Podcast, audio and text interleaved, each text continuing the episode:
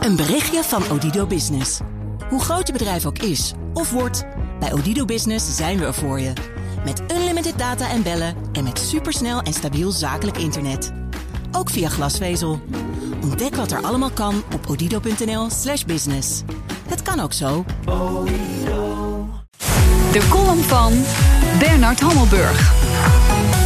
Zou er iemand zijn die hoort dat Venetië of de Amsterdamse grachtengordel officieel UNESCO-erfgoed zijn en dan denkt: Frip, dit is cultureel erfgoed, nooit bij stilgestaan? Maakt het werkelijk wat uit dat Schokland, de Waddenzee en de Van Nelle-fabriek op de UNESCO-lijst staan?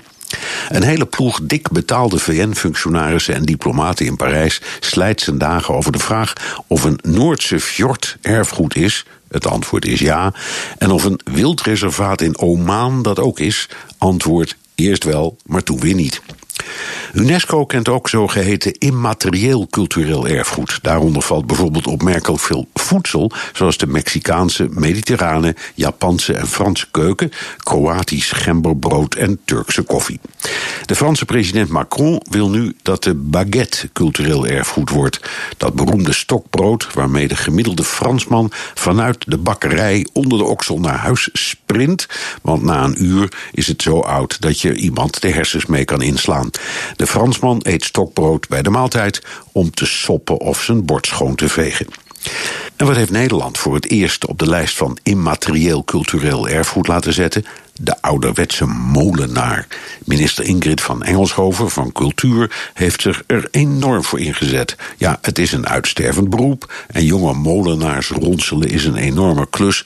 Maar kom zeg, kunnen we niet iets beters verzinnen? Hutspot, haring of nog beter, boerenkool? De begroting van UNESCO is ongeveer een miljard dollar, waarvan 1% naar immaterieel cultureel erfgoed gaat. 10 miljoen dus voor het in stand houden van de Nederlandse molenaar, de Mexicaanse keuken en het Franse stokbrood. Maar geen cent voor de Nederlandse parel van de westerse cultuur, boerenkool. Met zo'n kuiltje voor de jus en dat andere kroonjuweel, de rookworst. Wat president Macron doet voor het stokbrood, moet premier Rutte kunnen doen voor de ziel van het Nederlandse culinaire erfgoed. Zodat we weten waarvoor we UNESCO hebben. Ja, bourgola, appellation, contrôlé. Bernard Hammelburg zijn column kunt u terugluisteren op bnr.nl en in de BNR-app. Een berichtje van Odido Business. Hoe groot je bedrijf ook is of wordt, bij Odido Business zijn we er voor je. Met unlimited data en bellen en met supersnel en stabiel zakelijk internet. Ook via glasvezel. Ontdek wat er allemaal kan op odido.nl/slash business. Het kan ook zo.